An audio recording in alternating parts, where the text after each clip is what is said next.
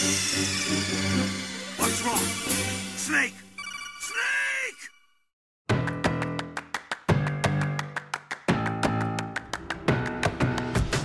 Drogie osoby, witajcie w 42. odcinku Grących Krzeseł. Ja jestem Krzysiek Seran, a przy mikrofonie po drugiej stronie Wisły siedzi Kamil Borek. To ja.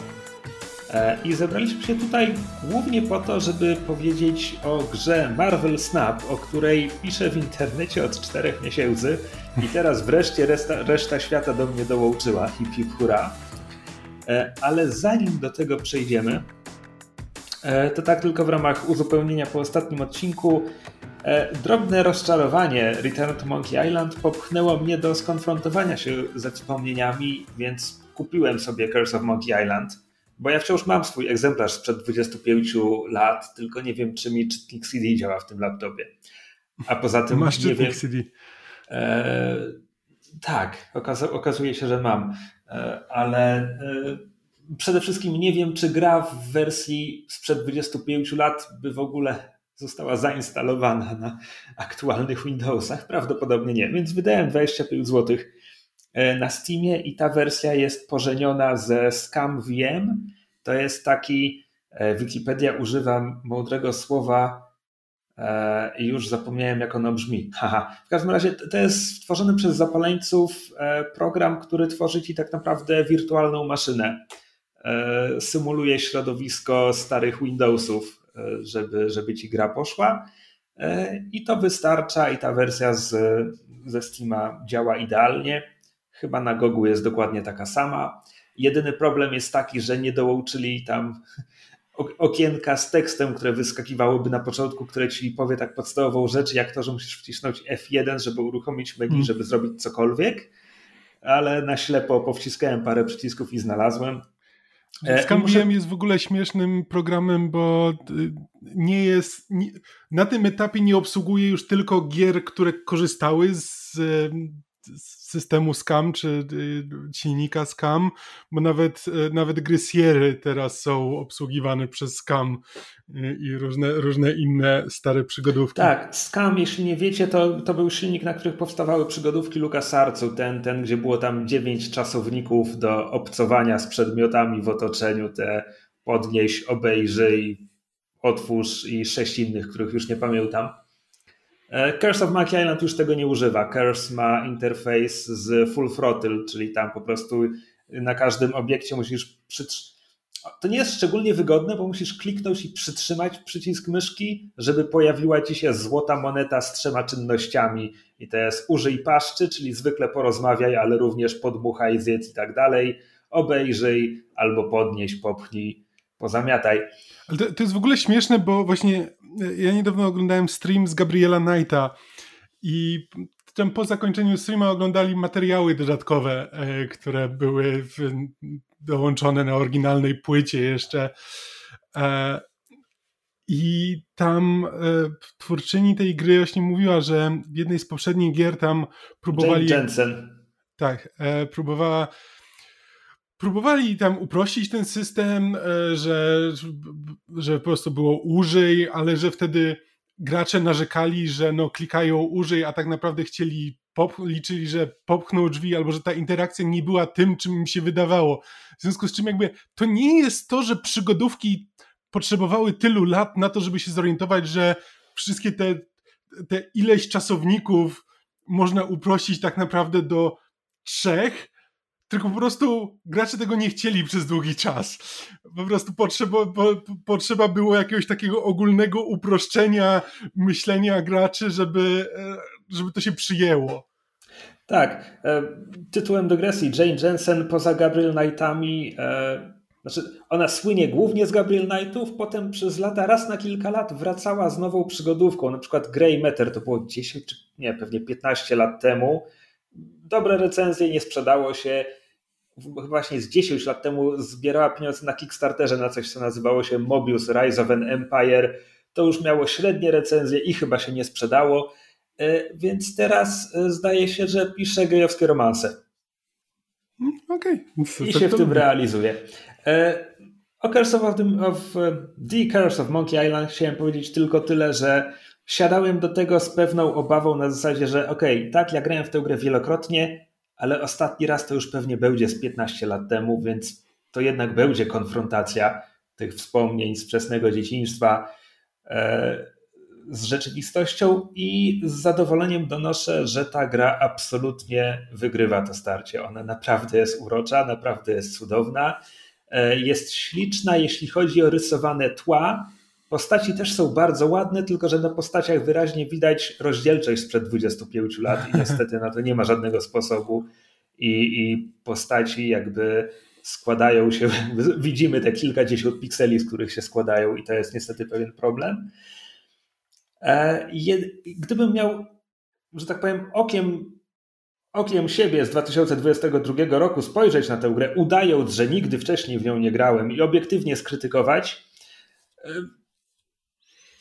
no to po pierwsze, żadna część Monkey Island nie zmienia Elaine w taką księżniczkę w zamku jak ta. Elaine. Hmm. To, to, jest, to jest niesamowite, bo ta gra ma ładne przerywniki, też ręcznie animowane, i cały charakter Elaine zawiera się w tych przerywnikach. Ona ma szansę zrobić wrażenie na tobie, graczu, żeby ci zależało, żeby ją odczarować, ale jest wyłącznie w przerywnikach. W sensie my nawet nie mamy. Guybrush z nią rozmawia w przerywnikach. My, gracze, nie dostajemy dialogu, w którym możemy wybierać opcje dialogowe z Elaine, bo ona całą grę spełdza albo zaklęta w złoty posąg, albo w przerywnikach filmowych, a ten jeden raz, kiedy jest w grze, kiedy sterujemy Guybrushem, jest zakneblowana.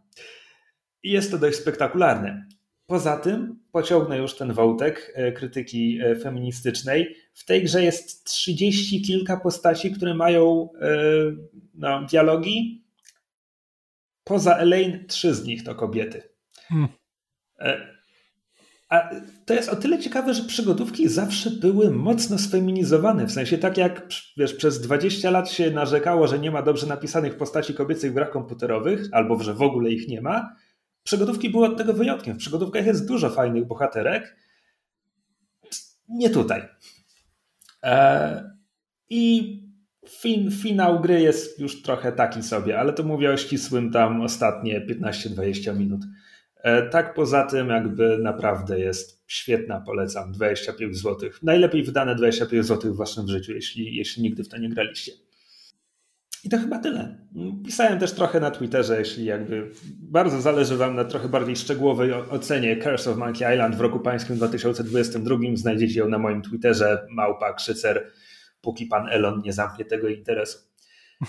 Dobra, zebraliśmy się tutaj, żeby porozmawiać o Marvel Snap, które jest e, grą mobilną, karcianą grą mobilną e, zrobioną przez studio Second Dinner. To jest pierwsza gra tego studia, ale studio ma dorobek w postaci personelu, bo szefem tego studia jest pan imieniem Ben Broad, który przez mniej więcej pół dekady był szefem wszystkich szefów od Hearthstone'a.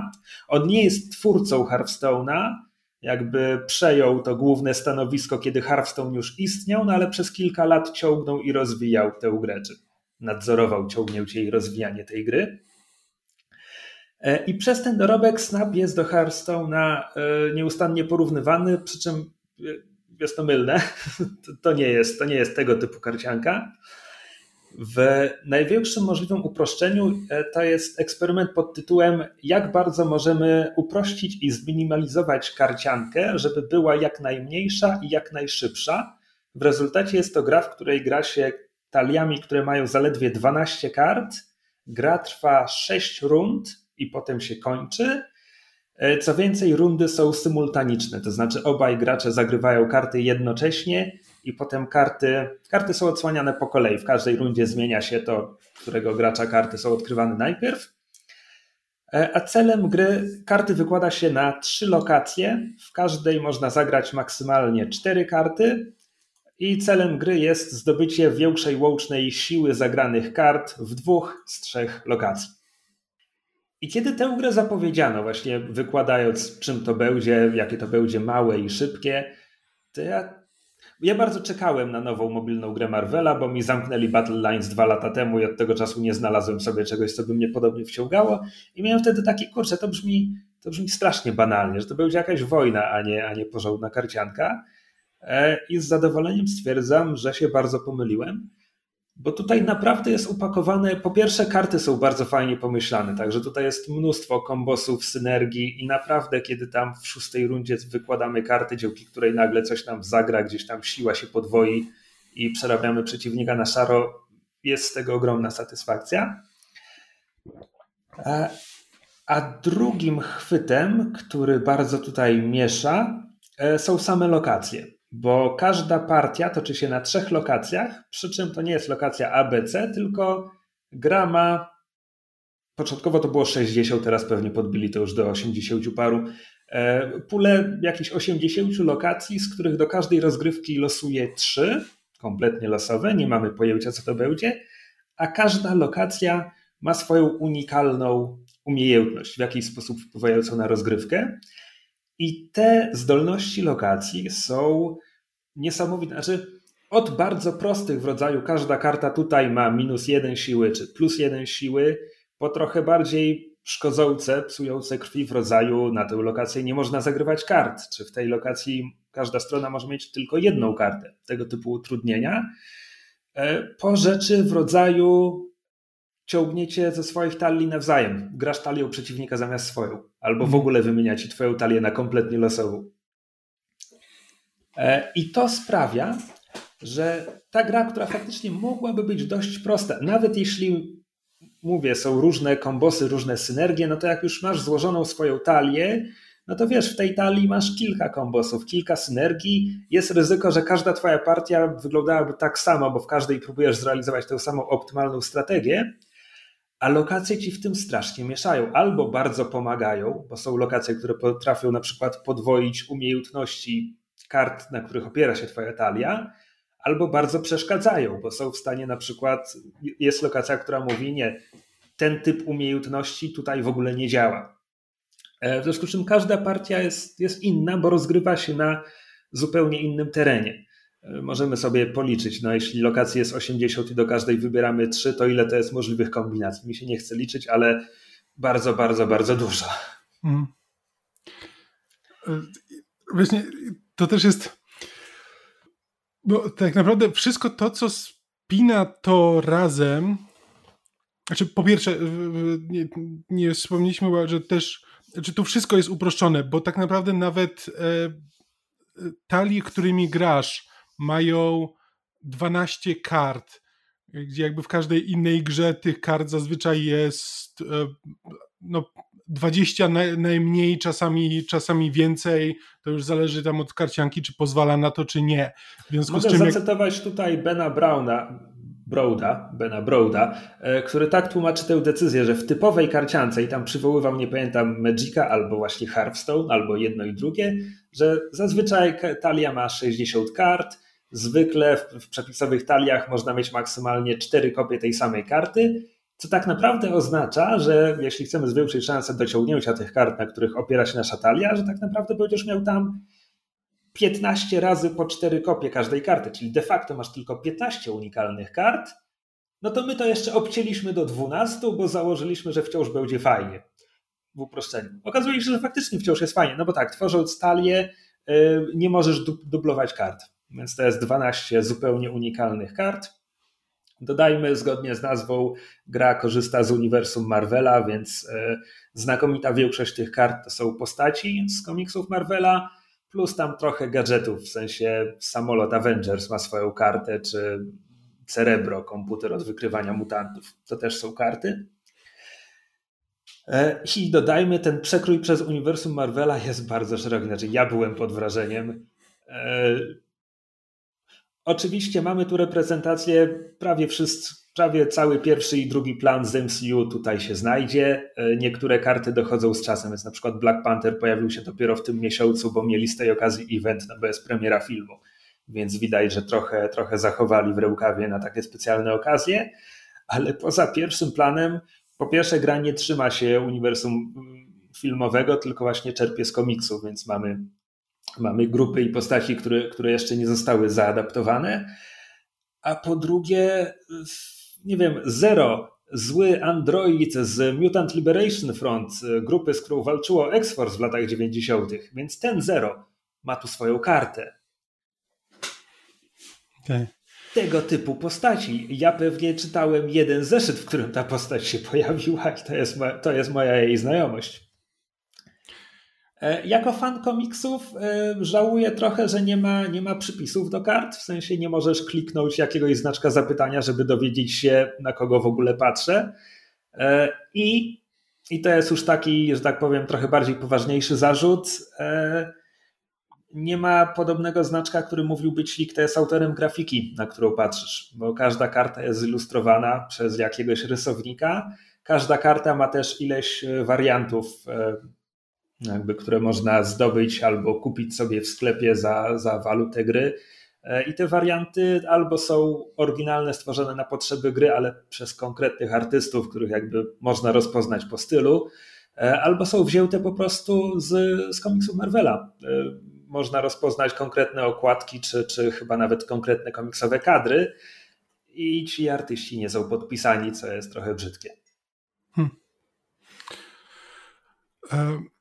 Tak, a to, to do czego zmierzałem, to że to wszystko spina ta mechanika tytułowa y, Snap, bo poza tym, że jakby tak, tak jak Krzysiek wytłumaczył, musimy zyskać jak najwięcej siły na dwóch, dwóch z trzech lokacji, mieć tam więcej siły niż przeciwnik i wtedy wygrywamy.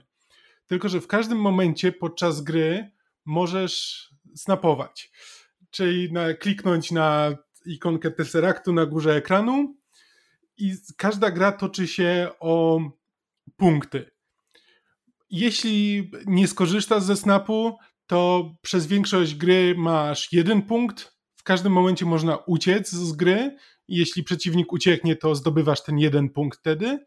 Jeśli gra dojdzie do końca, to, w, to na koniec te punkty są podwajane czyli jeśli gra dobiegła końca, udało ci się wygrać, dostajesz dwa punkty.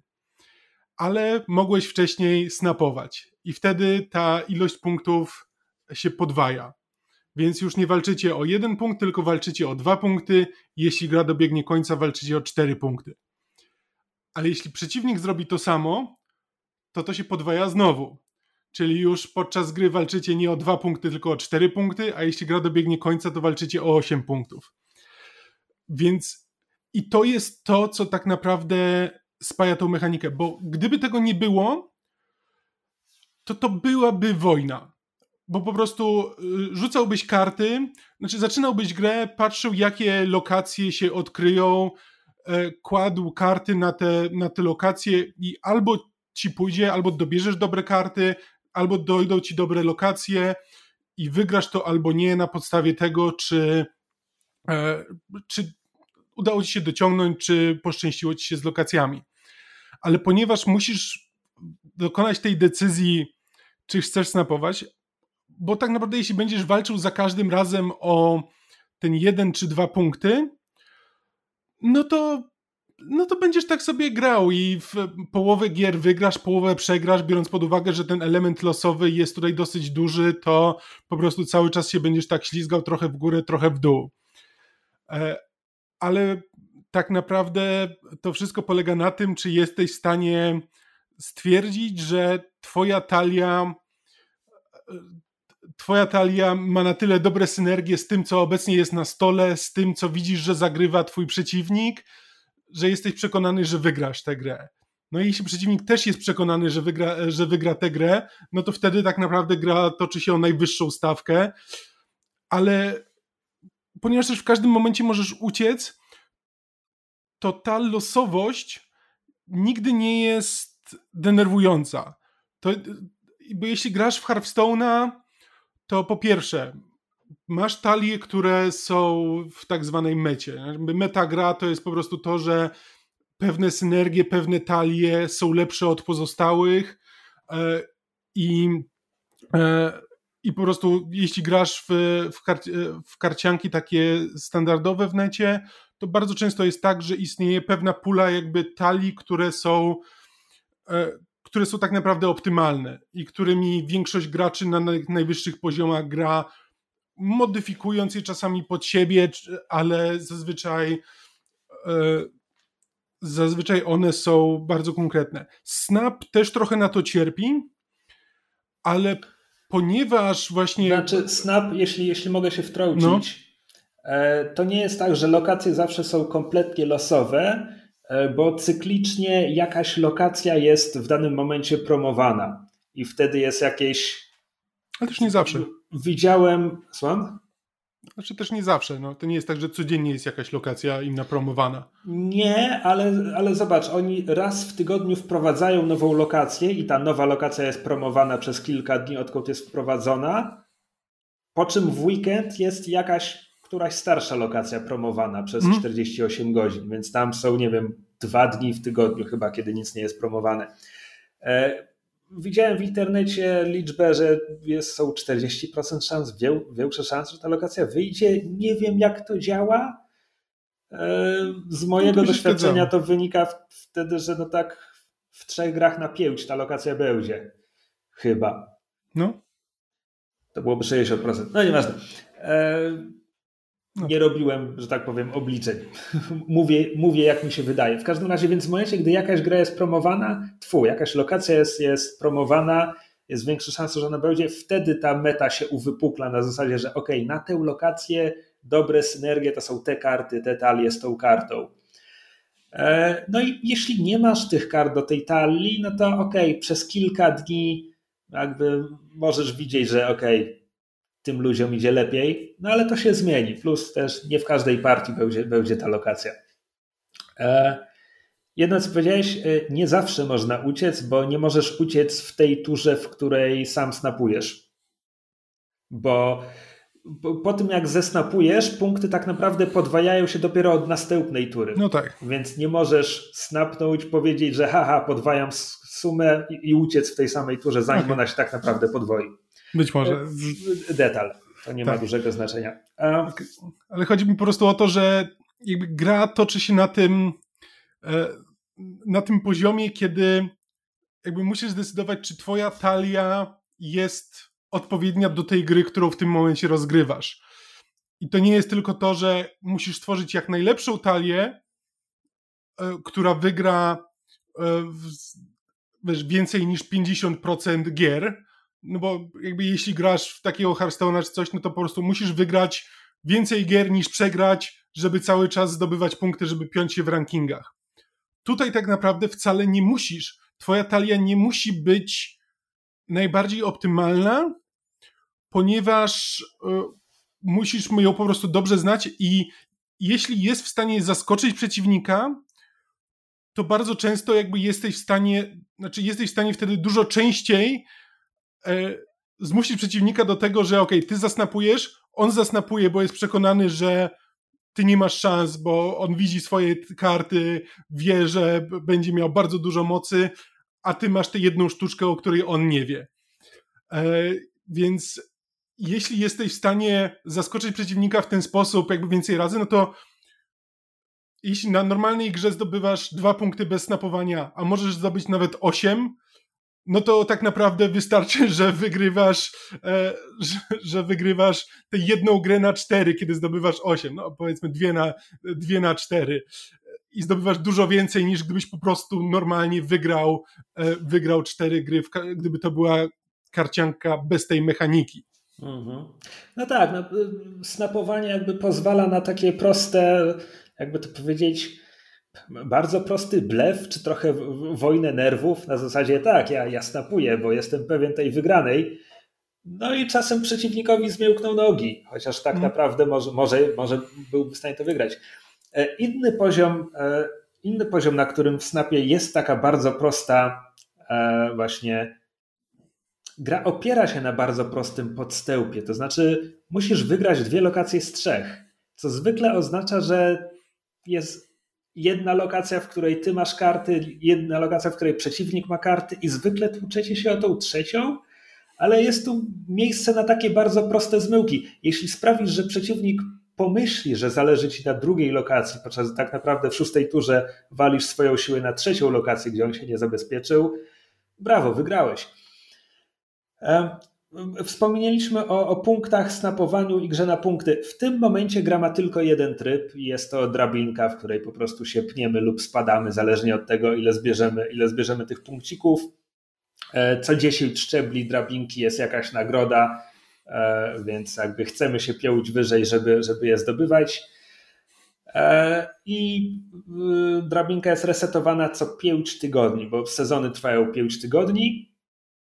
Jakby kończy się sezon, spadasz o 30 miejsc znaczy do, do najbliższej okrągłej e, liczby, e, przynajmniej 30 poziomów niżej e, i sezon zaczyna się od nowa.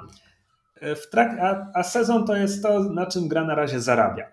Bo chociaż można kupować bezpośrednio walutę w sklepie, to wydaje mi się, że na razie zarabiają głównie na, na sprzedawaniu tych no, przepustek sezonowych w wersji, wersji premium.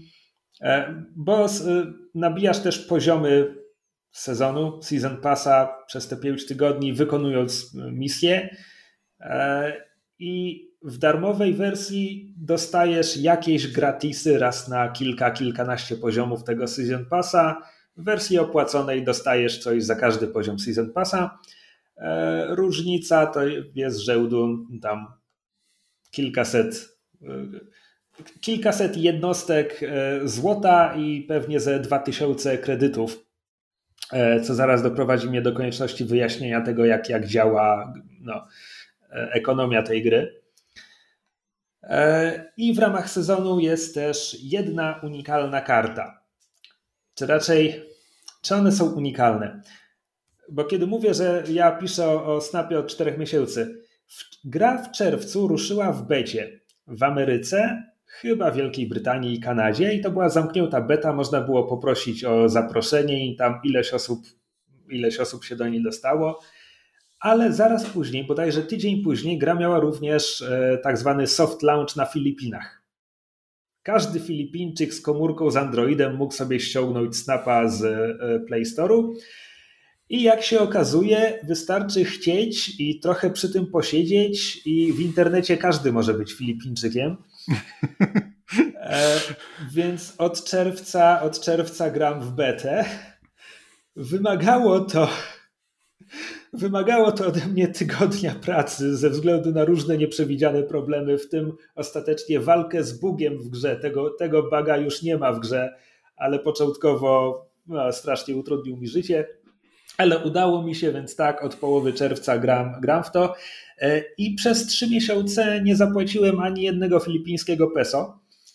E, tak, wciąż mam w sklepie ceny filipińskich peso. Przez rok nie mogę tego zmienić. Nieistotne. E, w każdym razie trzy miesiące grałem i nie wydałem, nie wydałem ani jednego filipińskiego peso i zebrałem sporo kart. Jakby miałem poczucie, że ok, to jest ten rytm, jest ok. Teraz zaczął się nowy sezon z Black Pantherem. Black Panther ma umiejętność, która mi wydawało mi się, że strasznie pasuje do talii, którą akurat wtedy grałem, więc zapłaciłem. Okazało się, że nie pasuje do tej talii, ale zbudowałem sobie nową, opartą na Panterze i też jest bardzo fajna, więc nie żałuję tych wydanych pieniędzy. E, dodajmy, to jest jakieś 45 zł za sezon. E, I czemu zacząłem o tym mówić?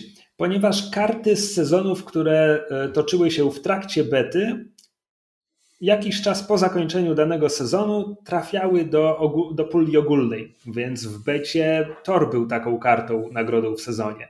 Ja już mam Tora, bo po prostu go wylosowałem z puli ogólnej. W tym momencie nie wiem, czy po premierze gry te karty też będą trafiać do puli ogólnej.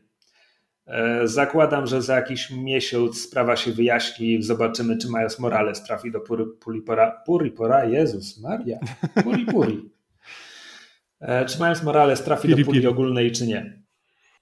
Wydaje mi się, że Ben Broad mówił, że wszystkie karty będą do zdobycia przez samo granie, ale no nie wiem, może po drodze coś się zmieniło. Czy byłoby to trochę dziwne, gdyby to było, było w ten sposób ograniczone, bo jakby te karty są e, Biorąc pod uwagę, że można mieć tylko jakby jedną kopię danej karty, te karty, które są w tych sezonach zazwyczaj są dopasowane pod pewien konkretny styl gry, tak gdybyś po prostu nigdy nie dostał już dostępu, jeśli nie zapłaciłeś tych 400 zł w tym konkretnym miesiącu, e, byłoby to trochę przeciw, wbrew temu, co gra próbuje tutaj robić.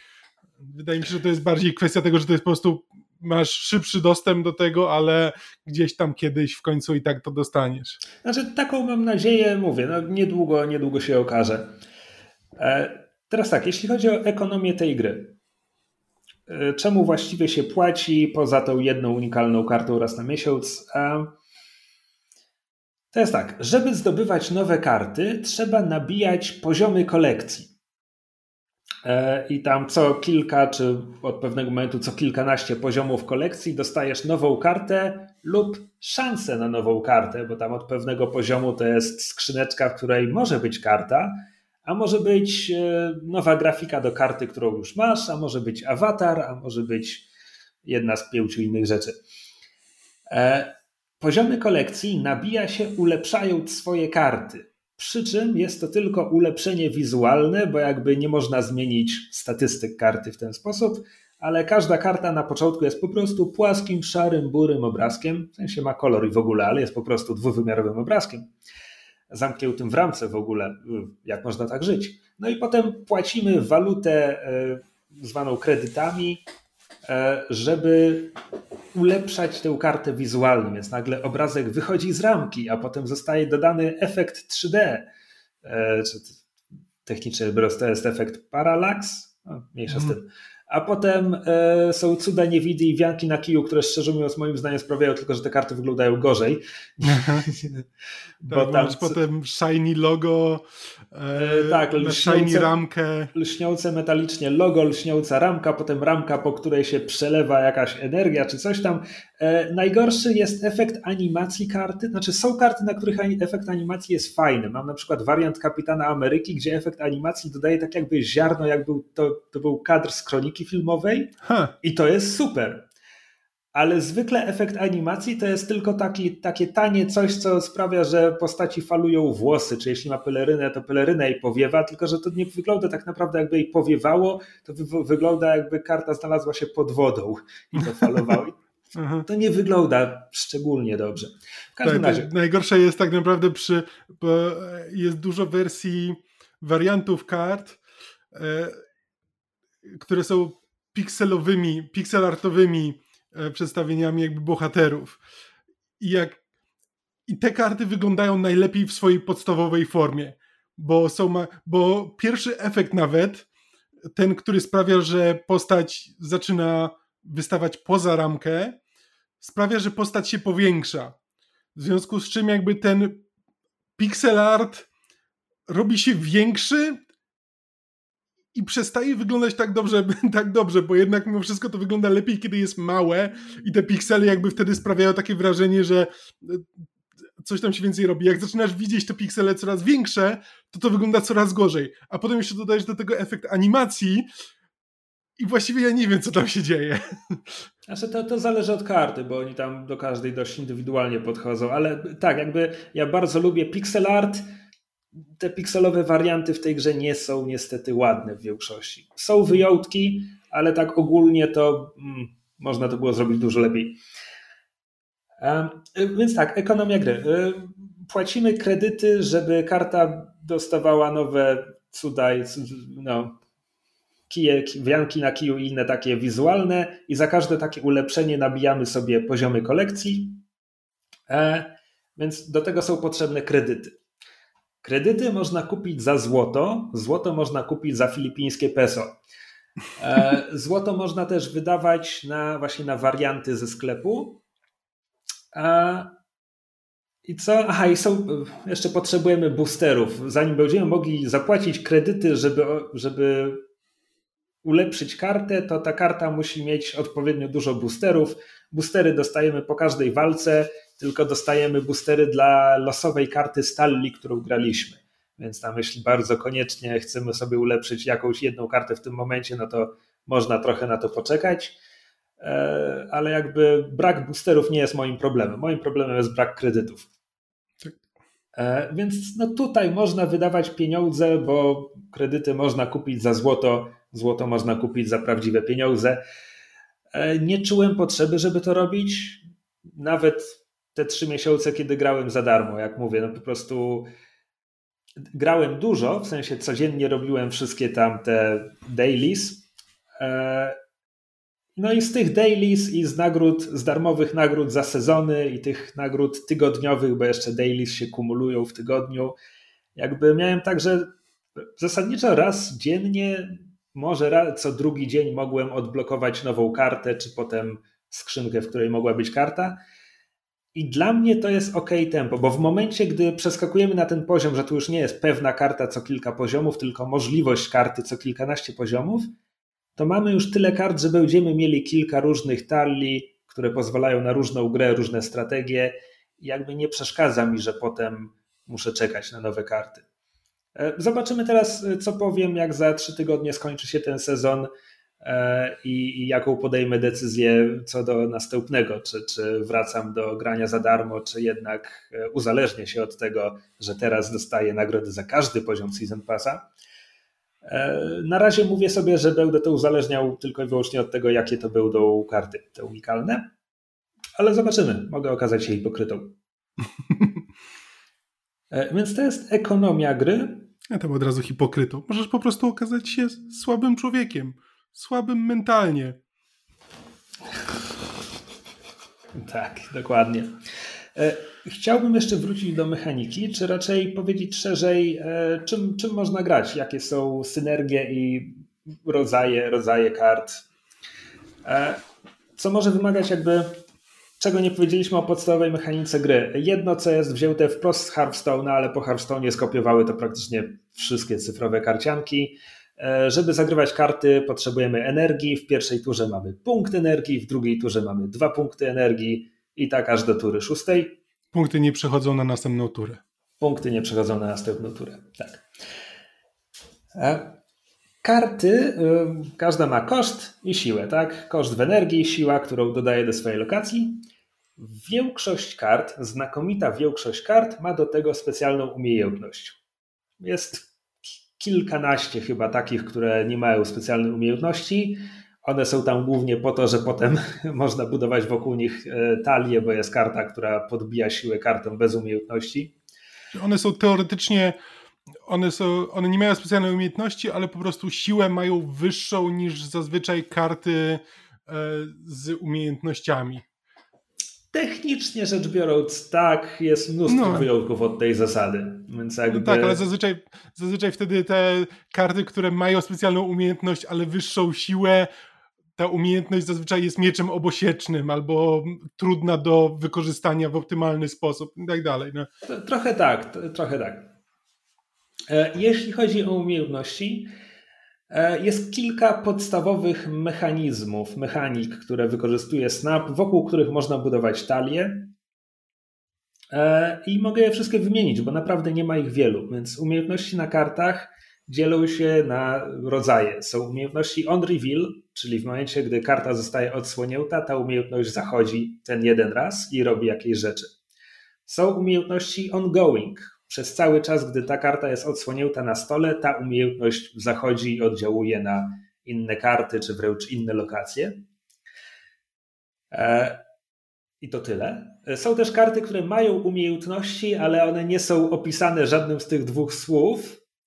E, chociaż jak, jeśli spojrzymy na ich mechaniczne działanie, to ewidentnie są efektem jednej z tych kategorii, ale one nie, ale one nie są przypisane pod żaden z tych rodzajów ponieważ są inne karty, które działają właśnie na umiejętności on reveal albo na umiejętności ongoing. W związku z czym w momencie, gdy karta nie ma żadnego z tych słów kluczy, no to jest wyjęta spod tych efektów. No jest zazwyczaj po prostu tak, że umiejętność tej karty jakby zachodzi jakby kiedy, kiedy aktywuje się jakiś trigger. Czyli, że na przykład, że jest karta Angela, która dostaje plus dwa za każdym razem, kiedy dołożysz kartę na tej lokacji albo Morbius, który dostaje plus dwa za każdą odrzuconą kartę podczas gry. Morbius jest ongoing. Jest ongoing? Morbius jest ongoing. Wiem, ponieważ wielokrotnie zaskakiwałem przeciwnika zagrywając rogue i kradnąc mu tę umiejętność. A, okej. Okay. Byle w takim razie z czymś innym. No ale no, nieważne, w każdym razie ale to jest tak. Właśnie o to mi chodzi. Właśnie okay, te tak, umiejętności bez tych słów kluczy de facto podpadają pod jedną z tych kategorii, a są z nich wyjęte właśnie po to, że jakby. No, więc kiedy mówię, jak to, że można opierać mechanikę na, na tych u, u, rodzajach umiejętności, więc można stworzyć sobie kartę ongoing, gdzie będziesz miał dużo kart ongoing i dodajesz do niej na przykład e, Spectrum Monikę Rambo, która dodaje umiejętnością on reveal, dodaje plus dwa siły wszystkim wyłożonym kartom ongoing, więc po prostu wtedy chcesz mieć jak najwięcej kart z tym, z tym e, słowem kluczem. E, talia on reveal zazwyczaj będzie miała Odyna, który ma umiejętność on reveal, która aktywuje ponownie wszystkie umiejętności on reveal kart zagranych w tej lokacji. E, więc to są dwa rodzaje talii. Jest mechanika ruchu. Normalnie karta zagrana na lokację pozostanie tam, dopóki coś jej nie ruszy. Może ją ruszyć efekt innej lokacji. Bifrost przesuwa wszystkie karty na stole jedną lokację w prawo po czwartej turze E, może ją ruszyć efekt innej zagranej karty. Cloak pozwala w następnej turze teleportować karty z sąsiednich lokacji do swojej lokacji, zarówno tobie, jak i przeciwnikowi. E, więc karty, które się ruszają, jest jakby podgatunek kart, które dostają za to bonusy. Więc na przykład e, Craven zastawia pułapki i jak jakaś karta ruszy się na jego lokację, on dostaje za to siłę. Wprost przeciwnie jest na przykład Vulture, który dostaje absurdalne plus 5 siły za każdym razem, kiedy on się rusza z lokacji do lokacji i tak dalej. Więc znowu talia oparta na ruchu. Jest, y, są karty, które pozwalają, znaczy pozwalają, zmuszają cię do wytracenia losowej karty z rełki, czyli to jest discarding. Y, I znowu potem są karty, które, tak jak Morbius na przykład, który dodaje siłę za każdą kartę, którą odrzucisz są karty, które jakby czerpią korzyści z tego, że odrzucałeś karty. I jest potem... apokalips, który za każdym razem, kiedy jest odrzucony, nie zostaje odrzucony, za to zwiększa swoją siłę. O cztery, e, co jest dość absurdalne, tak? I, I możesz go potem zagrać w szóstej turze. Albo jest e, Hela, która zagrana w szóstej turze zagrywa w losowych miejscach wszystkie karty, które odrzuciłeś w trakcie gry. Mhm. E, więc to jest, to jest czwarty rodzaj talii. I potem jest niszczenie kart. Niszczenie kart to jest, chodzi o karty już zagrane na stole, własne. Jest chyba i są chyba dwie karty, które pozwalają niszczyć karty przeciwnika, Shang-Chi i Gambit. To chyba wszystkie. Znaczy nie, jest jeszcze Elektra, która... A racja, Elektra niszczy... oczywiście ale ona kosztuje jeden, ma jeden siły, co jest jakby bardzo mało i niszczy kartę przeciwnika, która też kosztuje jeden, więc ona daje ci bardzo małą przewagę. Ale czasami e, tak? to potrafi zniszczyć e, cały pomysł na daną lokację. Tak, no a potem jest jeszcze Killmonger, który kosztuje 3 i niszczy wszystkie karty kosztujące 1 e, zagrane. E, łącznie z twoimi. Łącznie z twoimi, tak, po obu stronach. E, więc tak, więc to są cztery karty, które pozwalają niszczyć karty przeciwnika. Inne karty niszczą twoje własne karty. Na przykład Carnage kosztuje 2, ma dwa siły. Kiedy zagrasz go na lokację, morduje wszystko, co jest na tej lokacji i za każdą taką zniszczoną kartę dostaje plus dwa siły. I jeśli chcesz oprzeć na tym talię, to zwykle masz śmierć, która kosztuje 9. Maksymalnie możesz mieć 6 energii naturę, ale e, śmierć ma 9, e, kosztuje 9, ma 12 siły i jej koszt się zmniejsza o 1 za każdą kartę, którą zniszczyłeś w trakcie rozgrywki. I de facto to jest chyba tyle. Ongoing, on reveal, ruch, wyrzucanie kart, niszczenie kart. De facto to jest pięć rodzajów talii mógłbym wymienić jeszcze kilka, powiedziałbym bardziej takich unikalnych, ale jeśli chodzi o generalne kategorie, to, to jest tyle. Nie ma jakby generalnie więcej mechaniki w tej grze. Na razie zobaczymy, czy nie wiem, za rok stwierdzą, że wprowadzają jakiś nowy mechanizm. Wydaje mi się, że zaburzyłoby to równowagę, ale grę robią ludzie mądrzejsi ode mnie, więc na pewno jest na to jakiś sposób. E, I co? No i ja na tym etapie tym momencie możesz mieć zapisanych 20 talii. Ja mam zapisanych może 15 talii, z czego de facto gram czterema. E, I nie wiem, jak ty do tego podchodzisz. Ja znalazłem się w takiej sytuacji, że jak mam jakąś talię, którą wygrywam, albo po prostu fajnie mi się nią gra, to się, nią, to się jej trzymam, póki się nie znudzę. I zwykle jak się nią znudzę, to tam mam dzień, kiedy gram mniej w ogóle w snapa, a potem mam takie, czekaj, ja w sumie to dawno nie grałem tym. Mhm. I od nowa, i znowu jestem zajarany przez jakiś czas. Znaczy, ja mam jedno, co mogę powiedzieć o różnicy między betą a grą po premierze. E, codziennie są jakieś te misje do wykonywania. Daily missions to są zwykle rzeczy w rodzaju tam wygraj ileś gier, wygraj ileś gier ze snapem, wygraj lokację jedną kartą, czterema kartami, poniżej 10 siły, powyżej 20 siły, tego typu rzeczy. Nie wiem, czy od premiery widziałem, a przed premierą w becie na pewno było to regularne, że były misje w rodzaju porusz kartę ileś razy, zagraj ileś kart z umiejętnością on reveal, czy zagraj ileś kart ongoing, które wymuszały, żebyś codziennie przynajmniej raz zmienił talię. I teraz wydaje mi się, że tego nie ma. Znaczy, te misje są, ale tylko w ramach misji Season Passa. A, widzisz. Nie tych codziennych. Okej, okay. okay. to one, one w becie wyskakiwały w tych codziennych. I mam wrażenie właśnie, że teraz właśnie nawet miałem takie poczucie jakiś czas temu, że kurczę, już chyba dwa tygodnie gram ciągle tą talią i tak, no niby nią wygrywałem sporo, teraz trochę mniej, ale w sumie to nam się znudziła, a nic w grze nie popycha mnie, żebym to zmienił. Jakby dopóki sam nie stwierdzę, hej, chcę spróbować czegoś innego, to, to gra mnie do tego nie zmusi. Nie zmusi. Znaczy, no właśnie, to jest ten problem, do którego nawiązywałem, e, że jest, jest właśnie ten poziom meta E, przy którym jakby pewne talie stają się bardzo popularne.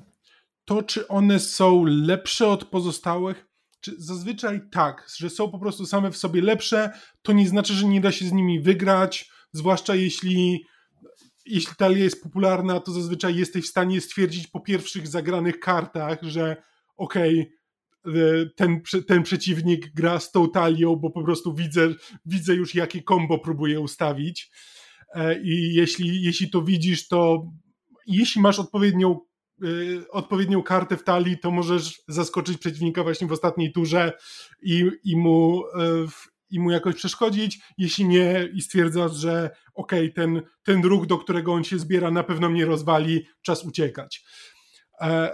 Na przykład widziałem wczoraj oglądając stream, to po prostu widziałem e, ludzi narzekających na czacie, że teraz jak już dojdziesz do pewnego etapu, no, ponieważ masz te rank pniesz się po rankingu i grając w rankingu grasz z ludźmi, którzy są w tym rankingu na podobne, no jakby typowe Poczekaj, mogę ci, mogę ci się wtrącić, no, no. Bo, bo, nie powiedzieliśmy o pulach, a to jest ważne.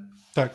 E, znaczy, w ogóle na samym początku gry gra ci daje tam, nie wiem, kilkanaście konkretnych kart, zawsze tych samych. Na, na samym początku gry wszyscy mają tych samych kilkanaście kart, a potem jakby pniesz się w tych poziomach kolekcji i dostajesz karty, przy czym karty są przydzielane z puli. Są trzy pule. Pierwsze, pierwsza pula to jest, nie wiem, 40 kart, druga to chyba 20 kart i trzecia pula to jest znowu ze 40 czy coś takiego. E, I w momencie, gdy już wychodzisz, że tak powiem, na ten przestwór pierwszej puli, zdobywasz losowe karty z tej puli. I ta pula jest ta sama dla wszystkich graczy grających w Marvel Snap. Co oznacza, że kiedy przechodzisz z pierwszej puli do drugiej puli, masz dokładnie te same karty, co wszyscy inni gracze, którzy w tym momencie właśnie skompletowali już pierwszą pulę. E, czemu o tym mówię? Bo matchmaking Według tego, co wyczytałem w internecie, jest taki, że nie tylko grasz z ludźmi ze swojego poziomu w rankingu, mm -hmm. ale że gra paruje cię też z ludźmi mniej więcej z twojego poziomu kolekcji. Tak. Czyli, że niekoniecznie ma te same karty co ty, jeśli jesteście już w połowie drugiej puli, ale będzie miał tyle samo kart z drugiej puli co ty. Tak, więc być może trafił na karty, które bardziej mu pasują do, e, do jego talii, ale też nie ma tego pełnego wachlarza możliwości, które będą mieli ludzie, którzy już te, te pule jakby ukończyli i zdobyli z niej wszystkie karty.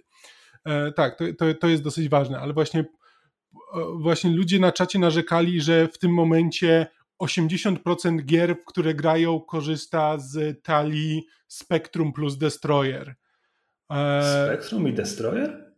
Tak, tak zrozumiałem. E, nie, nie jestem pewien. E, oglądałem ten stream przez, przez tam kilkanaście minut, jakby nie do końca zrozumiałem na czym to polega, ale Destroyer jest śmieszną kartą, bo w, niszczy wszystkie twoje karty na pozostałych lokacjach, więc no tak, a przy więc... tym kosztuje 6, więc można go zagrać tylko w ostatniej turze. Tak, więc klasyczną strategią jest zagranie na inną lokację najpierw Armor, która kosztuje 2 tak. i nie pozwala niszczyć kart na tej lokacji, ale Spektrum też kosztuje 6, więc dlatego nie rozumiem, to jest albo albo wtedy. Może coś źle zrozumiałem, ale w każdym razie chodzi mi o to, że jakby ludzie narzekają, że jakby na pewnym poziomie, jak do niego dojdziesz, to zdecydowanie zaczynasz zauważać właśnie, że pewne talie już się skrystalizowały jako te lepsze, albo przynajmniej takie, które jakby ludzie najłatwiej się nimi gra, więc stają się takim standardem i natykasz się na nie coraz częściej i to potrafi sprawić, że gra staje się e, trochę, trochę taka zastała. E, jakby moja trajektoria z tą grą jest taką sinusoidą trochę, bo jakby zacząłem, zacząłem w to grać i byłem absolutnie zajarany, jakby świetnie mi się w to grało. Po czym przyszedł taki moment gdzieś pod koniec pierwszego sezonu, że już miałem wrażenie, że doszedłem do takiego etapu, że widzę coraz więcej nowych kart. Ja wciąż mam tyle samo kart e, i coraz trudniej jest mi, coraz trudniej jest mi cokolwiek osiągnąć. Po czym zaczął się nowy sezon, stworzyłem sobie nową talię i ta talia mi się bardzo spodobała i grałem nią i zwłaszcza jak grasz na tych pierwszych poziomach rankingu, no to zazwyczaj spotykasz się z osobami, które nie wiem, być może nie grały w tę grę jeszcze tak długo, może nie mają doświadczenia, w każdym razie dosyć łatwo się przechodzi przez pierwszych, przez pierwszych kilkadziesiąt poziomów, tak? Wiesz, do 30, 40, coś takiego jest w miarę prosto, po czym jak wchodzę w 50 poziom, już, zaczyna, już zaczynają się schody, e, już jest coraz trudniej. I nagle, nagle ta talia, którą grałem, z którą, e, z którą nie miałem problemu, nagle się okazuje e, za słaba i przegrywam dużo więcej niż, niż wygrywam a poza tym już się trochę znudziłem. Ale też nie mam tyle, na tyle dużo nowych kart, żeby, żeby mieć pomysł na jakąś nową, ekscytującą talię. E, I jakby teraz wchodzę w, teraz wchodzę w ten dół tej sinusoidy mhm. i prawdopodobnie jak już, jak już wymyślę, co dalej zrobić, jak już wymyślę jakąś nową talię, to prawdopodobnie znowu, znowu e, pójdę wyżej, albo może zacznie się nowy sezon, czy cokolwiek.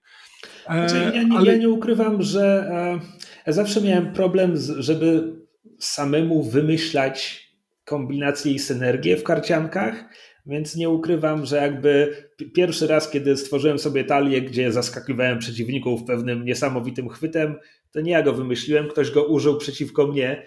Tak się złożyło, że miałem karty, które były do tego potrzebne, więc po prostu, o, okej, okay, biorę to, to jest fajne.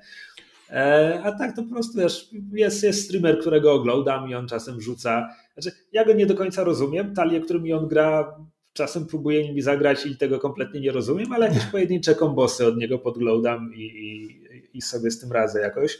Znaczy właśnie to jest to, co mnie te, na początku tego sezonu jakby uratowało. To, był, to była talia oparta na doktorze Dumie. Ona nie jest super, ale, ale po prostu pomysł, miałem, pomysł mi się urodził tylko i wyłącznie dlatego, że jak wszedłem w trzecią pulę, to właśnie jednymi z pierwszych kart, które dociągnąłem był doktor, było najpierw Cerebro, które stwierdziłem, Cerebro dodaje plus dwa e, twoim kartom z najwyższą siłą. E, a potem dostałem doktora Duma, który działa tak, że kosztuje 6, ma 5 mocy i dorzuca dwa Dumboty też o mocy 5 na pozostałe lokacje. Więc stwierdziłem, ok, czyli e, mam wtedy w szóstej turze dostaję trzy karty, wszystkie mają pięć. Jeśli to połączę z Cerebro, to dorzucam trzy karty, wszystkie mają siedem. Siedem siły to jest całkiem dużo siły. E, nie jest najwięcej, ale mimo wszystko jest to, jest to całkiem sporo, zwłaszcza jeśli wrzucam je na wszystkie lokacje. To ja tutaj się wtrącę i dodam, że Cerebro miałem od jakiegoś czasu i nigdy z nim nie grałem. I Duma też miałem od jakiegoś czasu i grałem z nim tylko krótką chwilkę. Natomiast będąc w trzeciej puli, ale trochę przed Kamilem, dociągnąłem niedawno Mystique. Mystique kosztuje 3 i ma 0 siły, dokładnie jak Cerebro, i ma umiejętność On Reveal, kopiuje umiejętność Ongoing ostatniej zagranej karty.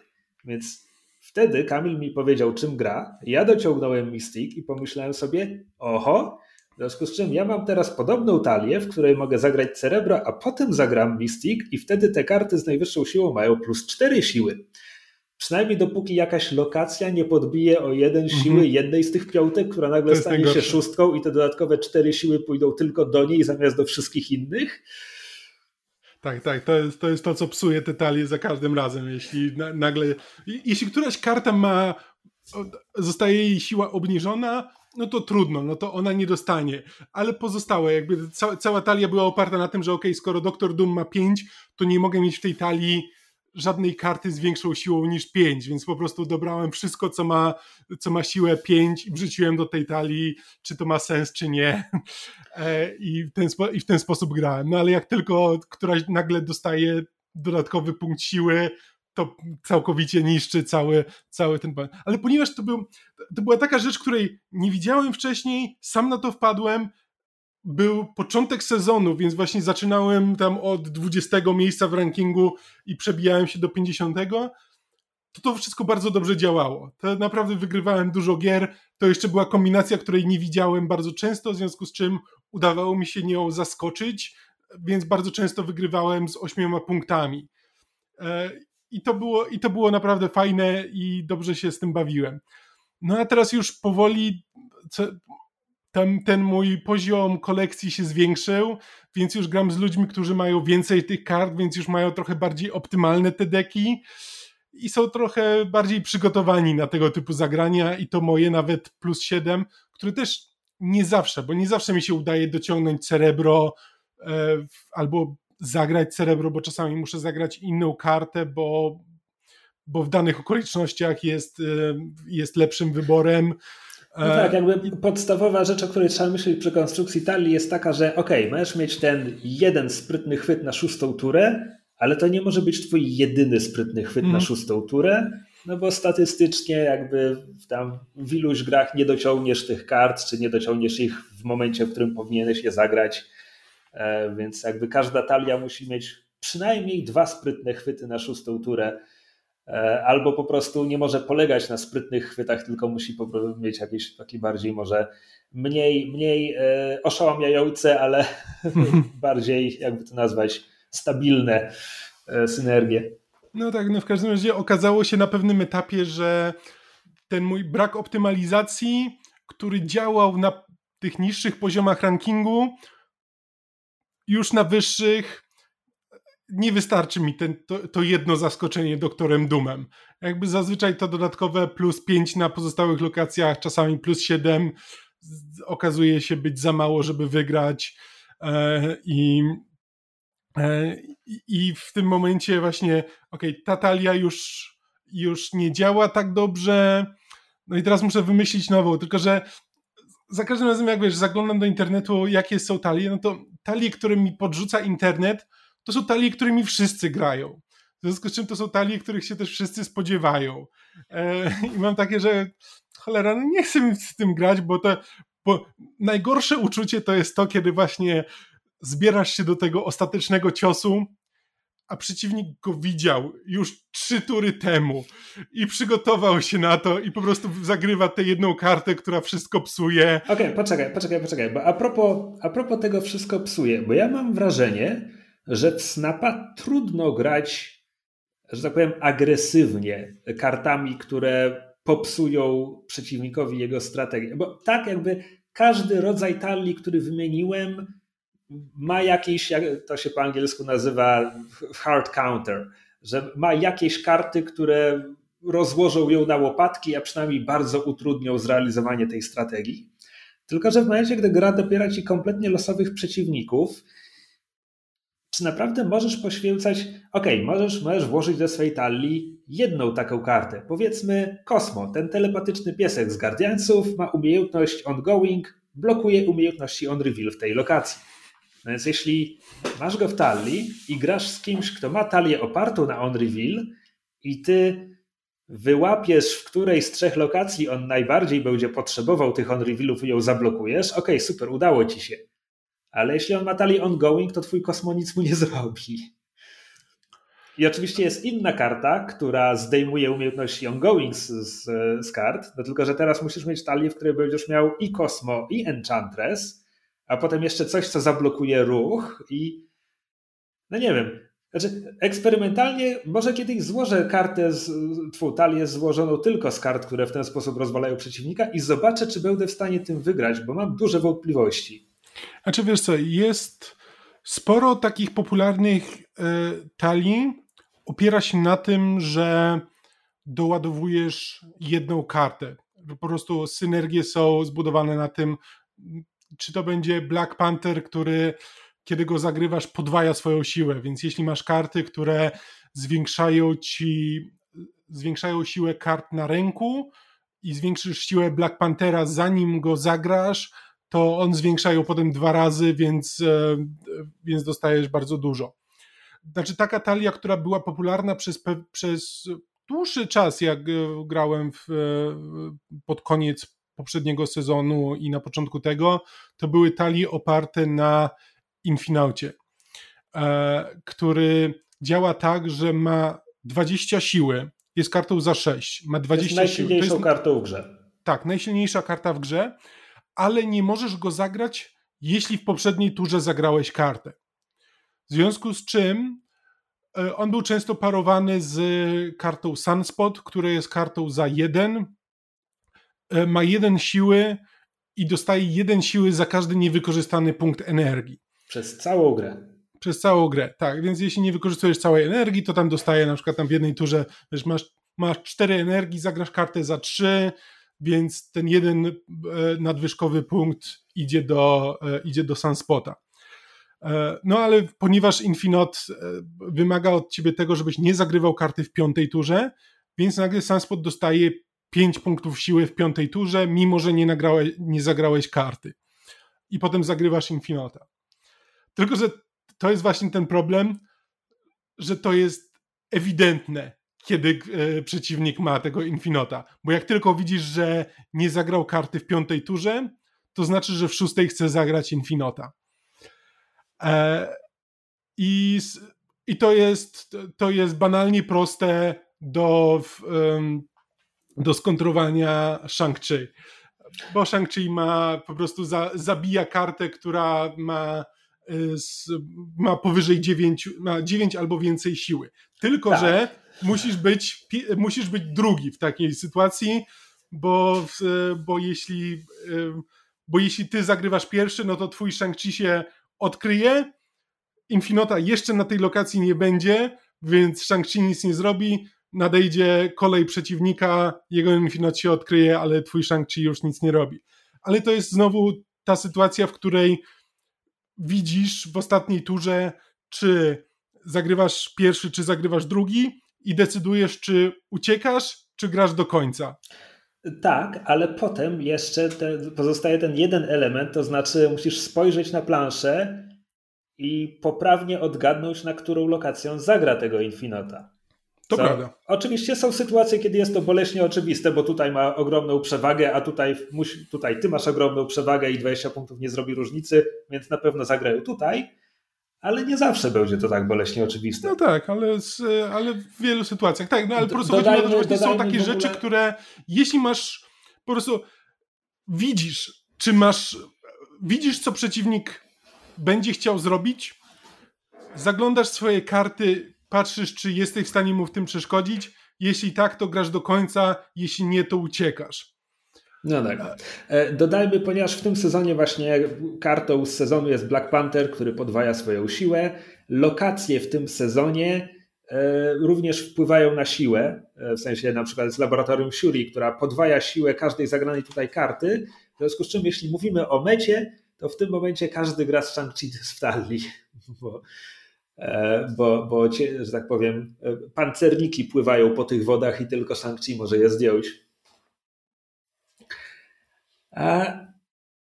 Znaczy, tak, tak, no ja, ja też w trakcie gry miałem takie momenty, gdzie jakby grałem i miałem poczucie, ok, co druga talia, z którą gram, korzysta z tego kombosa, jest to trochę nudne. W ogóle w becie, w becie szalone rzeczy się odwalały, dodajmy w ogóle, e, w becie każdy patch zmieniał część kart. Właśnie dlatego, że jakby ludzie w Second Dinner obserwowali metę, i patrzyli, co się dzieje, które talie są zbyt popularne, które karty e, za mało ludzi nimi gra, trzeba, trzeba je jakoś ulepszyć. I te zmiany były skokowe. Na początku tej, tej gry nowa Nowa obecnie ma, jest kartą za jeden energii, ma dwa siły, a kiedy zostaje zniszczony, daje plus jeden wszystkim innym Twoim kartom na wszystkich trzech lokacjach. Co jest bardzo dobre. W becie Nowa po swojej śmierci bardzo długo dawał dwa dodatkowe siły wszystkim innym kartom na stole. Absolutnie wszyscy grali Nowe i Carnage'a. Mhm. Czy jeszcze lepiej, E, jeśli mieli e, Moon Girl, która duplikuje ci rełkę, tak żeby zagrać dwóch nowów, a potem ich zniszczyć. W związku z czym ja miałem na to kontrę. Ona nie zrobiła się bardzo popularna, bo wymagała zgadywanki, ale ja często grałem z Armor i muszę powiedzieć, że mało co dawało mi taką satysfakcję, jak uwięzienie dwóch nowów mhm. w jej polu ochronnym, które uniemożliwia ich zniszczenie. Ludzie poddawali grę w tym momencie. Tak. Wiecie, E, już sprawdziłem teraz, jak działają te. Bo, bo, zacząłem o tym mówić, żeby właśnie dopłynąć do brzegu, którym jest jakby w becie Second Dinner bardzo agresywnie e, paczowali. Zakładam, że nie będą już tak agresywni, ale myślę, że jeśli coś naprawdę będzie problemem, to zareagują i będą zmieniać działanie kart. Tak. Sp sprawdziłem teraz, jak działa ten deck e, Spectrum Destroyer. To jest po prostu chodzi o to, że to są dwa różne kombosy albo ci dojdzie Destroyer, albo ci dojdzie Spectrum. Większość talii w karcie jest ongoing, w związku z czym Spectrum dodaje plus dwa wszystkim kartom. Jeśli nie dociągniesz Spectrum, to masz Destroyera. E, po prostu to są dwa, dwa osobne kombosy. I naj, najwidoczniej to jest w tym momencie najpopularniejsza talia. Okej. Okay. Znaczy, często, znaczy często, widuję talie oparte na Destroyerze, no nie zauważyłem, żeby miały spektrum, no ale to oczywiste, że nie zauważę, bo zagrywają mm. albo jedną, albo drugą kartę, więc racja. E, mówię, jeśli to będzie ogromny problem, myślę, że Second Dinner to spaczuje. E, ja wiem, że będę w to grał dalej, bo gram w to od czerwca i, i gram wciąż, więc mm. e, na, razie, na razie mnie to trzyma w żelaznym uścisku i, i nie puści. E, jako, znaczy jako... Tak u mnie to też było do tej pory na zasadzie, czy to jest kwestia tego, czy gram e, 20-30 partii dziennie, czy gram tyle, żeby wypełnić e, codzienne misje i, i koniec, i czekam nie, na następny dzień. Miał, miałem takie okresy, gdzie jakby ograniczałem się tylko do dailisów. Hmm. Jak najbardziej, jak najbardziej przechodziłem je. E, na którym jesteś poziomie rankingu teraz? W rankingu jestem na 50 którymś, nie pamiętam, trzecim albo czwartym. Okej, okay, no ja, ja wbiłem powyżej 60 i wczoraj spadłem poniżej i teraz znowu wdrapałem się powyżej, więc jakby jesteśmy, nie ma między nami przepaści. E, a w ogóle chciałem dodać, bo ty kupiłeś, kiedy gra ruszyła, to kupiłeś ten pierwszy sezon z Milesem, prawda? Tak. Więc ty opłaciłeś dwa sezony. E, po prostu miałem wrażenie, że bardzo szybko wskoczyłeś do tej trzeciej puli w porównaniu z moim bezpłatnym doświadczeniem z bety. E, ja to jest bardzo sobie... możliwe, bo, no bo to jest jednak spora różnica w kredytach, no bo jakby po... a nie, teraz, teraz nie porównam, bo teraz nie, teraz nie jestem w stanie stwierdzić, które poziomy były zamknięte dla ten, ale hmm. większość, pamiętam, że większość poziomów, na których się dostaje kredyty, były zablokowane. Yy, tak, tak. Z, dar, z, darmowego, z darmowego Season Passa tam się zgarniało kilkaset kredytów. Widziałem jakieś wyliczenia E, ktoś porównywał darmowe i płatne, to było przy okazji chyba właśnie sezonu z Milesem i to była różnica rzędu 2,5 tysiąca kredytów, hmm. co przekłada się na 50 poziomów kolekcji. No nieważne, no w każdym razie jesteś już w trzeciej puli. E, rozgość się, zostaniesz tu na długo, w sensie na razie nie ma czwartej puli, plus jakby ta pula jest rozwodniona tymi kosmetycznymi gratisami, które się dostaje zamiast kart. Aha, e, nie wspomniałem z rzeczy, o których jeszcze koniecznie chciałem wspomnieć, zanim zakończymy odcinek. E, po pierwsze, więc żeby wygrać grę, trzeba zdobyć e, dwie z trzech lokacji. Jeśli obaj gracze mają po jednej lokacji, to gra jest rozstrzygnięta w oparciu o to, kto wygrywa większą przewagą siły w swojej lokacji.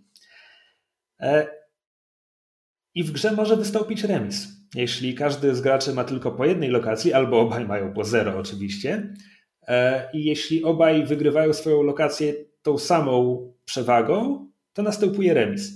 I muszę powiedzieć, że partie kończące się remisem są dla mnie dziwnie satysfakcjonujące, bo jest to po prostu bardzo rzadkie. Jak, mhm. Kiedy partia kończy się remisem, to ja naprawdę mam takie poczucie, kurde, ten gość dobrze grał, albo gościuwa, osoba grająca, i ja też dobrze grałem, to było fajne. I nawet, nawet czasem mam takie, bo nie, nie wiem, czy miałeś często tę sytuację, że czasem rozegrałeś partię, klikasz następną partię i gra losuje ci e, tę samą osobę. Nigdy tego nie zauważyłem, ale też nie patrzę aż tak uważnie.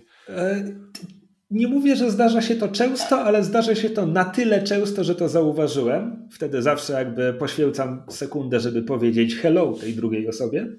E, ale właśnie po takich remisach ja, ja bym chciał, żeby tam był, był przycisk hej, zaproponuj rewanż. Nie ma takiej opcji na razie niestety. E, Second Dinner ogłosiło, że przed końcem roku wprowadzą tryb e, gra z przyjacielem, w sensie, że będzie można znaleźć kogoś w tej grze i, i grać bezpośrednio z tą osobą. Poza rankingiem e, to ma być taki system, że zamiast obstawiania punktów rankingowych będzie się obstawiało punkty życia i trzeba stoczyć kilka partii, żeby w ten sposób pokonać przeciwnika. E, te rozgrywki mają się liczyć do wypełniania daily missions i misji z sezonu, tylko nie będzie się zdobywało punktów w rankingu. E, poza tym mówią też właśnie, a no to, to będzie ta gra poza rankingiem, którą zapowiadali, zakładam. Mm, e, jestem ciekaw tego, znaczy bardzo chętnie z Tobą zagram. Nie wiem, czy będzie to na tyle ciekawe, że będziemy to robić regularnie. Się okaże. Tylko chciałem jeszcze powiedzieć, bo powiedziałeś, że poświęcasz chwilę, żeby powiedzieć graczowi hello. Jakby ta gra ma taki bardzo ograniczony system emotek tak naprawdę. Znaczy to jest masz... chyba właśnie też z Hearthstone, mam wrażenie. Tak, bardzo podobny, że masz po prostu chyba, nie wiem, pięć takich um, do wyboru tekstów i z tego co widzę to jest e, jestem pewny siebie, hello, e, kciuki w górę, e, co się właśnie stało i snap ze znakiem zapytania. Oprócz tego masz ikonki, takie emoji postaci z gry, czyli masz na przykład Kamale Khan y, pokazującą kciuki w górę, masz Deadpoola z różnymi strzałami w głowie i zdezelowanego mocno, też pokazującego takie trochę ironiczne kciuki w, y, kciuki w górę i coś tam jeszcze, jakieś takie drobne e, emocje. Przede wszystkim, moim zdaniem, podstawowe emoji to jest e, Spider-Man, który wskazuje palcem. A e, tak. W, Albo Thanos, w dobrym, który snapuje. Thanos, który snapuje. W dobrym tonie jest pokazanie tego Spidermana, kiedy zagracie tę samą kartę w tej samej turze. to nawet nie wiedziałem. w każdym razie to jest zaskakujące, jak bardzo takie. To są drobne rzeczy. Nie możesz nie możesz napisać nic szczególnie toksycznego przeciwnikowi. Nie ma czatu. Masz do wyboru tylko te konkretne emotki, tylko tych parę tekstów. Ale one potrafią być wykorzystywane tak, że po prostu ci zachodzą za skórę bardzo mocno, kiedy przeciwnik zagra jakąś kartę, która właśnie popsuła ci wszystkie plany i wyrzuca Kamale Khan pokazującą kciuki w górę, to masz takie wrażenie, że okej, okay, dobra, kliknij mute. Tak, bo jest opcja, jest opcja mute, możesz poświęcić dwie sekundy, żeby właśnie nie widzieć tych tekstów. Ja to robię tylko, gdy od dawna już mi się to nie zdarzyło, ale zdarzali się ludzie, którzy po prostu nawalali snap, snap, snap, snap, snap, tak, snap, tak, snap. Tak.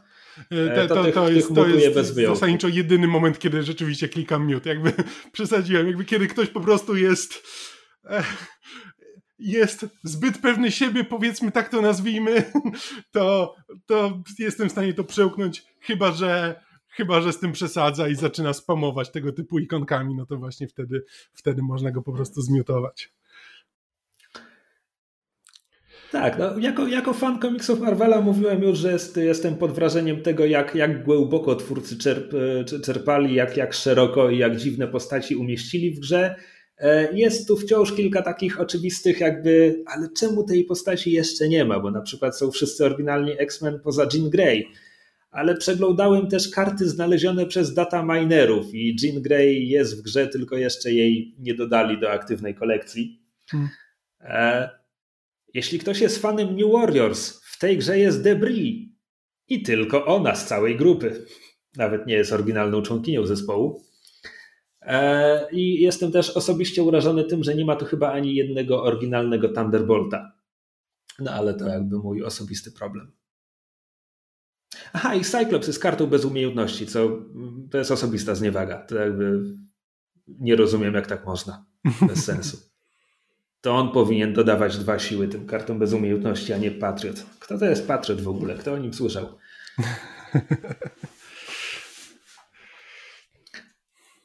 Chyba wyprztykaliśmy się z tematu. Chyba tak. E... Chyba omówiliśmy Snapa dokładnie. Tytułem podsumowania jest fajne. Będę w to grał, zachęcam. E, aha, jest na Androidy i na iOS. Jest również na PC-ty. W tym momencie w ramach Early Accessu jest za darmo do pobrania na Steamie. To nie jest dla mnie gra, przy której chciałbym siedzieć przed komputerem. Jest właśnie idealna do gry na telefonie.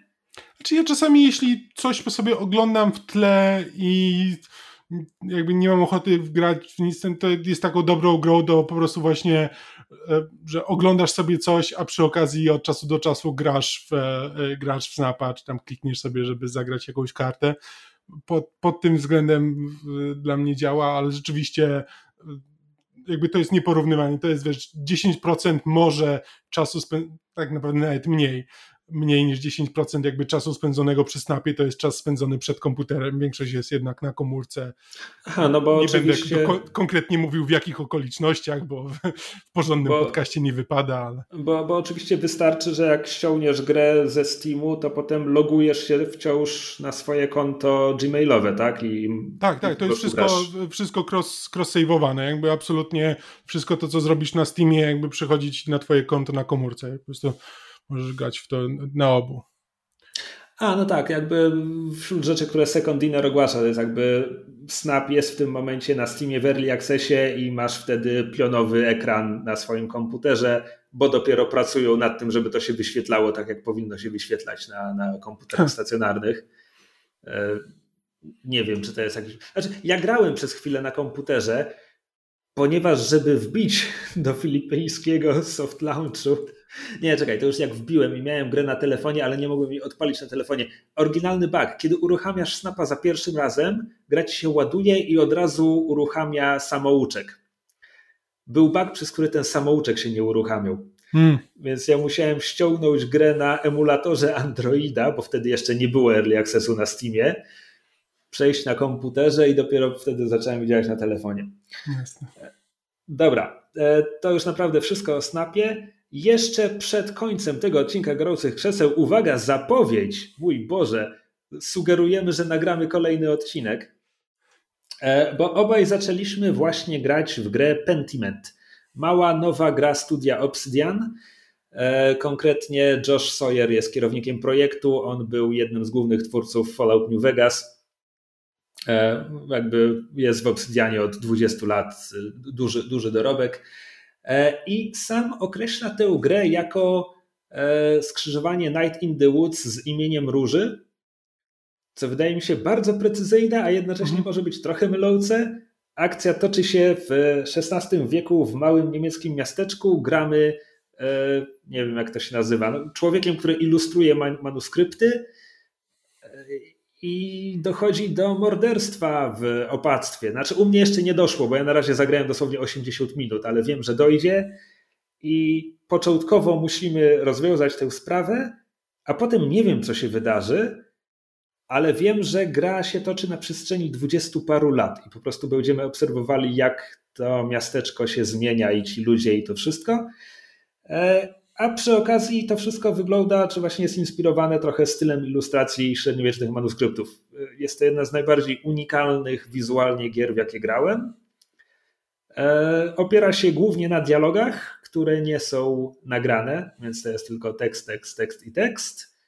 E, I zapowiada się bardzo dobrze i mam nadzieję, że będziemy mieć o niej więcej do powiedzenia, tylko że, e, że tak powiem, jeśli gra nie znajduje się w mojej komórce, to zajmuje mi obecnie bardzo, bardzo, bardzo dużo czasu. Mhm. Także to może nie być na przykład najbliższy odcinek Gorących Krzeseł, który powstanie. bardzo możliwe, że najbliższy odcinek Gorących Krzeseł, który powstanie, będzie o Darkest Dungeon, bo Ania nas bardzo mocno o to ciśnie. Jedynym problemem jest znalezienie wspólnego terminu dla w tym momencie czterech osób. E, tak, to jest bo to nie jest tak, że ciśnie nas o to od dwóch lat, ale jakoś odcinek dotąd nie powstał. Tak, ale teraz, te, te, teraz rzeczywiście jakby ciśnie, ciśnie tak, żebyśmy znaleźli jakiś termin wspólny, tylko po prostu e, to nie będzie w ciągu najbliższych dwóch tygodni, więc to jest, e, to jest ten problem. Jeszcze na temat Snapa ostatnia uwaga, byśmy nie poświęcili całego odcinka grze mobilnej, która miałaby e, toksyczne systemy monetyzacji jakby Snap jest autentycznie zbudowany na tym, że można na niego wydać pieniądze, ale absolutnie nie trzeba i ja w żadnym momencie nie czułem potrzeby. I tylko dlatego, że nie czułem potrzeby, czułem się w porządku z tym, że zapłaciłem za Season Passa, bo jest chętnie wesprę tę grę, nie czując, że ona próbuje wyciągnąć ze mnie te pieniądze. Więc po prostu chciałem wspomnieć o tym, że no to, to, to jest ważne i jakby gdyby to była po prostu typowa gra mobilna, gdyby była możliwość wzmacniania swoich kart poprzez płacenie czy cokolwiek w tym stylu, byśmy w życiu o niej nie mówili w ten sposób. Prawdopodobnie by nas nie wciągnęła tak bardzo. Ale tak, to... absolutnie się z Tobą zgadzam. Dobra, to naprawdę było ostatnie słowo o Snapie i ostatnie słowo w tym odcinku. E, zachęcamy do gry. Może te tam los, no, wiatry algorytmu będą nam sprzyjać, się kiedyś spotkamy w tym snapie. A jak nie, to w grudniu ma ruszyć to zapraszanie przyjaciół, to wtedy sobie pogramy. To jest. To cześć. Na razie.